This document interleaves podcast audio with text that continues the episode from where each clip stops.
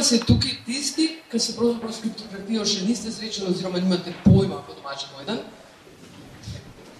Ok, namreč moje predavanje je predvsem namenjen uh, poljudni predstavitvi in pregledu zgodovine kriptografije.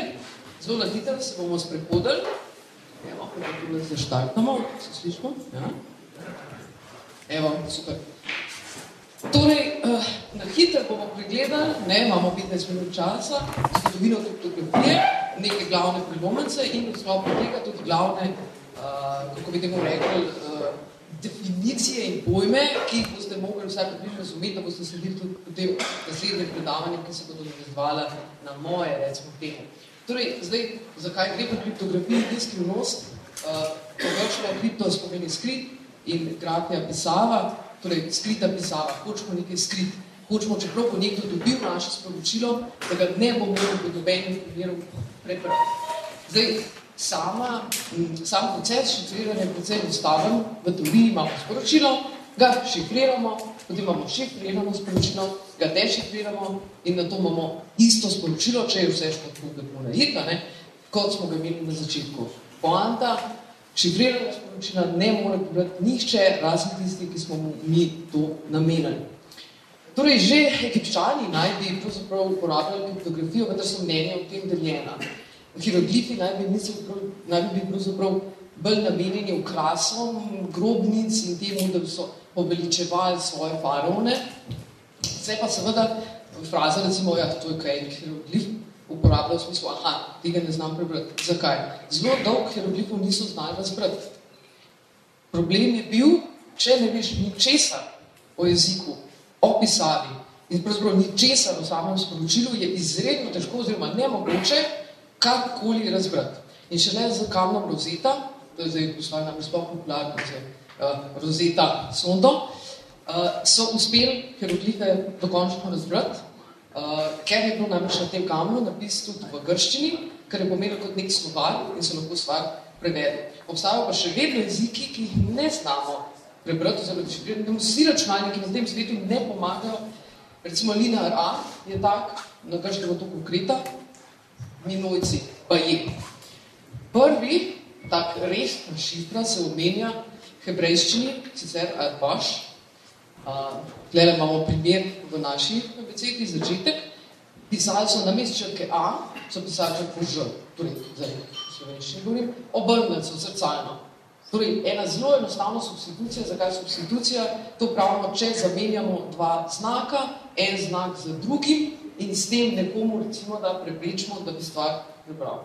V tistem času se je, zdaj to je pa je, namreč tudi potrjeno, uh, uporabljal tudi uh, tip, uh, to je pa transpozicija, kar pomeni, da napišemo v nekem naključnem vrstnem redu črke in jih potem nekako preberemo nazaj.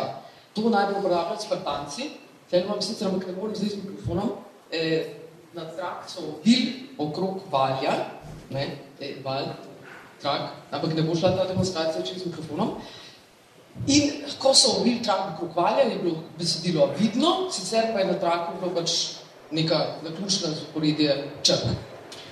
Ne moramo mimo Riganov in Cezarja, še vedno Cezarjeva šifra je ena izmed najbolj poznanih, po mojem. Uh, gre za substitucijo, tako kot Alpaš, samo pri tem gre za substitucijo z določenim ključem. Zdaj, kaj je ključ? V tem primeru Cezarjeva šifre, za koliko bomo mi zamaknili v abecedo. Tukaj imamo recimo primer, a se preslika v čas, se pravi, smo tri črke zamaknili, spodi zamaknili, abeceda gor do prava, torej na mest A bomo pisali Č, na mest B bomo pisali D in tako naprej. Čisto za hec, šifra seveda ni eh, najbolj varna, kako bi šel biti sploh ne zdaj, v času rimskega cesarstva je bila dosta uporabna, spodi imamo nekaj zašifrirati za Cezarjevo šifro, za hec. Uh, no prvi slovenski roman je drugače Ampak recimo, da za nek hiter SMS, ki ga mama ne bo znala dešifrirati, bi šlo, sicer pa seveda Cezarjeva šifra ni v redu, zakaj ne? Predvsem zato, ker lahko zelo na hiter za frekvenco pojavitve črk ugotovimo, katero črko smo katero drugo zamenjali. To je že leta 800 arabski matematik pogrunto, tukaj imamo frekvenco pogostnosti slovenskih črk in zelo hitro, če bi recimo zamenjali H z A, ne, bi bilo to očitno, da gre za eno izmed črk, ki je zelo manj pogosta, tako da z pomočjo uh, te kriptoanalize, na hitro če kaj je kriptoanaliza, kriptoanaliza je dešifriranje sporočil brez tega, da bi karkoli vedeli, se pravi ne, da bi bili ključ ali pa karkoli, no, nekaj moramo vedeti to sporočilo, ki smo že prej uh, omenila. Potem naslednja šifra je bila nekih 300 let baje za nezlomljivo, če tako rečemo. Avtor je bil sicer Belaso, tako da je ta uh, Vižinerova šifra je kot mala manj napačna po francoskem diplomatu. Uh, ta tabela je tabula recta, na podlagi te tabele so v bistvu delali večkratno Cezarjevo šifro. Se pravi, imamo abecedo v obeh stolcih in na podlagi ključa, ki je bila neka beseda, recimo ne, luna, smo zadevo kriptirali. Kako? Če je pač prva beseda torej L, luna, druga beseda našega sporočila se je recimo na B in smo to kriptirali v M in tako naprej. Problem tega je, uh, učitelj, ne, ključ je bil skozi iste dolžine, sprav ključ se nam je ponavljal. In če smo ugotovili dolžino tega ključa, smo imeli pravzaprav samo navadno cizerno šifro in smo nismo kaj dosti naredili. Tako da je zanimivo, da je to dolg časa veljala za mm, tako nezlomljivo. Tle je sicer še veliko zgodbi zadnji, tudi Bebič, za katerega ste mogoče še slišali, se pojavlja tukaj. Ampak mi bomo v našem kratkem času zdaj preskočili že počas na stvari, ki nas v računalniški dobi malo bolj zanimajo. Na sliki je Blečni park, dvorcu Blečni parku, um, kjer so angliški matematiki poskušali dešifrirati nemško migo. Ne smo poskušali, ampak to tudi uspeli. Zdaj, če ste gledali Imitation Game, je trenutno zelo popularen, tako da se te enigmi nismo mogli izogniti. O sami enigmi bi se lahko razlagala zelo dolgo. Stvar je bila zelo kompleksna, pravzaprav so tako enigma ni bila ena, bilo je več različnih vrst.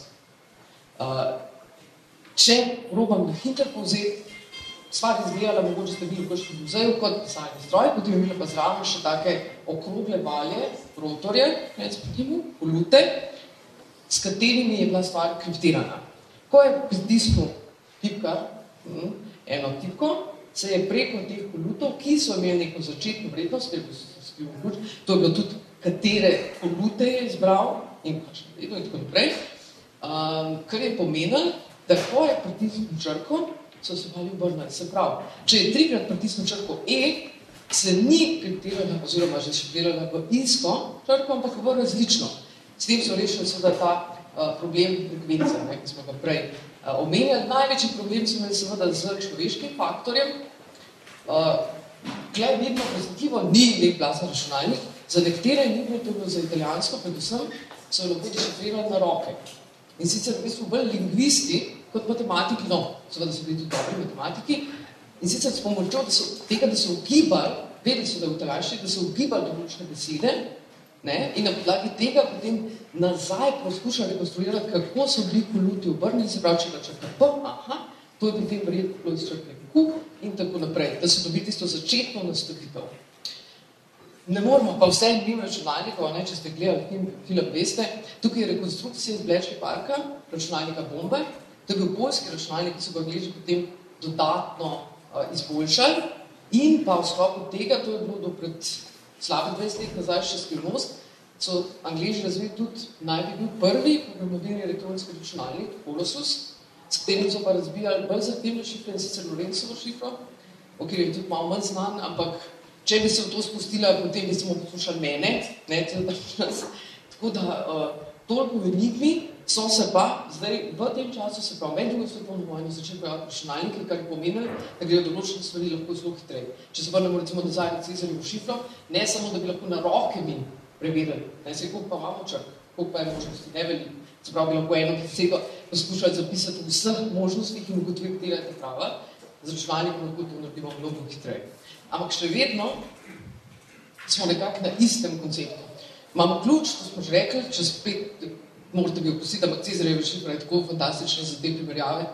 Uh, ključ je torej, koliko bomo mi zamaknili tisto našo abecedo, ne? za tri, za štiri, to moramo vedeti, pustimo, koliko je Cezarjeva šifra varna, in pa imamo algoritem, ki ga uporabimo na podlagi tega ključa, se pravi, to je zamik črk, da mi A napišem B, da mi B napišem C in tako naprej in na podlagi tega kriptiram sporočilo. Zdaj, ključ ima nek nabor vrednosti, seveda je dobro, da je čim več, ne recimo, da smo to, ker imamo črk v primeru C šifre, čim bolj naključenih moramo imeti in tukaj je še ena stvar. Ključ je lahko simetričen in asimetričen. Aha, ok. Pri simetričnem, o katerem smo zdaj govorili, moramo imeti skriti ključ. Ključe ne smemo kar komu, komorkoli povedati, ker če nekomu povemo ključ, lahko stvar dešifrira takoj. Torej, ključ moramo skrivati. Zdaj, če nekomu pošljemo skrivno sporočilo, mora vedeti naš ključ, kjer imamo problem potem s tem, kako bomo zdaj te ključe dodelili.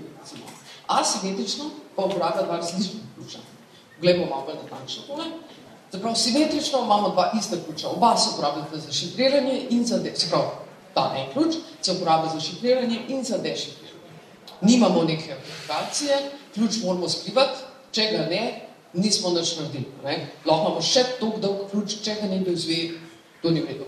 Je pa res, da simetrično šifriranje pomeni, da imamo zelo veliko hitrost lahko, čeprav, če seveda imamo zelo dolg ključ, je stvar izredno varna in gre za dobro enkripcijo in hitro. Ne? Pri asimetrični imamo pa dva ključa. Zdaj, kle so te pojmi, upam, da vas ne bom zmedla, Ključa sta matematično povezana, to je vse, kar bom rekla, ne bom nič uh, preveč komplicirala, imamo javni in zasebni ključ. Zdaj, te dva ključa, če skriptiram z rdečim ključem, dekriptiram z zelenim. Če kriptiram z zelenim, dekriptiram z rdečim. Ne, če gledam za tale svoj super primer. Torej, javni in zasebni ključ imamo zdaj tukaj. Kaj pomeni? Javni ključ imate lahko vsi vi. Ga jaz nekam dam, rečem, ok, to je javni ključ. Zasebni ključ pa samo jaz. Se pravi, če jaz nekaj kriptiram z zasebnim ključem, boste lahko vsi vi to videli, ampak boste vedeli, da sem to zihrba jaz. Ne? Če nekdo kriptira me in pošle meni sporočilo, ki bo zapremljeno z mojim javnim ključem, to pomeni, da lahko to odprem samo jaz. Ne? Problem teh uh, algoritmov je počasnost, ne? plus pa je seveda recimo autentikacija pri, pri uh, simetričnem nimamo nobene možnosti vedeti, kdo ima ključ, mi lahko pošljamo šifrirano sporočilo sprav. Ne? Uh, to zelo na hiter. Zdaj pa, naslednje predavanje bo imel gospod Božič, in sicer, da se malo na to tudi poveže v povzavi s tem, kar smo že zdaj slišali, kriptografija javnega ključa. Naj vas zaved, to zdaj ni tiste javni ključ, ki ga imamo v bistvu pri uh, asimetričnem kriptiranju. Ampak gre za to, da rešimo ta problem, kako je zdaj Rekli smo, presimetričen je ful hiter in ful super. Zakaj torej ne bi tega uporabljali? Ja, imamo ta problem z ključem. Kako ga deliti, kako ga dodati, kaj pošle mi ven zakrtirali, pa znamo še tako po FedExu povedati ključ, to ne gre. Ne? Tako da pošljamo sporočilo, ki ga kriptiramo z asimetričnim ključem, kar pomeni, da se spet vrnem nazaj, da ga lahko tisti, ki ga dobi, kriptira z identičnim ključem ta ključ pošljemo zraven. Seveda ga ne pošljemo kar tako, ker če bi ga poslali kar tako zraven sporočila, bi to ne bi prav čisto bene vize, ampak ga kriptiramo pa za asimetrično enkripcijo. Se pravi, jaz pošljem, ne, šifriram najprej sporočilo z asimetričnim ključem, simetrični ključ šifriram z javnim ključem osebe, ker pomeni, da bo samo tista oseba, kateri ključ nijam, lahko to prebrala, potem pa oseba, ki to dobi, lahko dešifrira simetrični ključ in s tem ključem uh, prebere sporočilo. Tako da, v bistvu so se te, torej to je recimo zanimiv, sam koncept kriptografije se skozi čas isti cilj imamo, koncept vsaj isti imamo nek ključ, ki ga skrivamo, imamo neko sporočilo, ki možno, da ga kdorkoli prebere, se pravi, ne da bi mi skrivali v nekem sebi, ne, hočemo skriti tako, da tudi, če ga nekdo dobi v roke fizično, tega ne bomo mogli nikoli pobrati.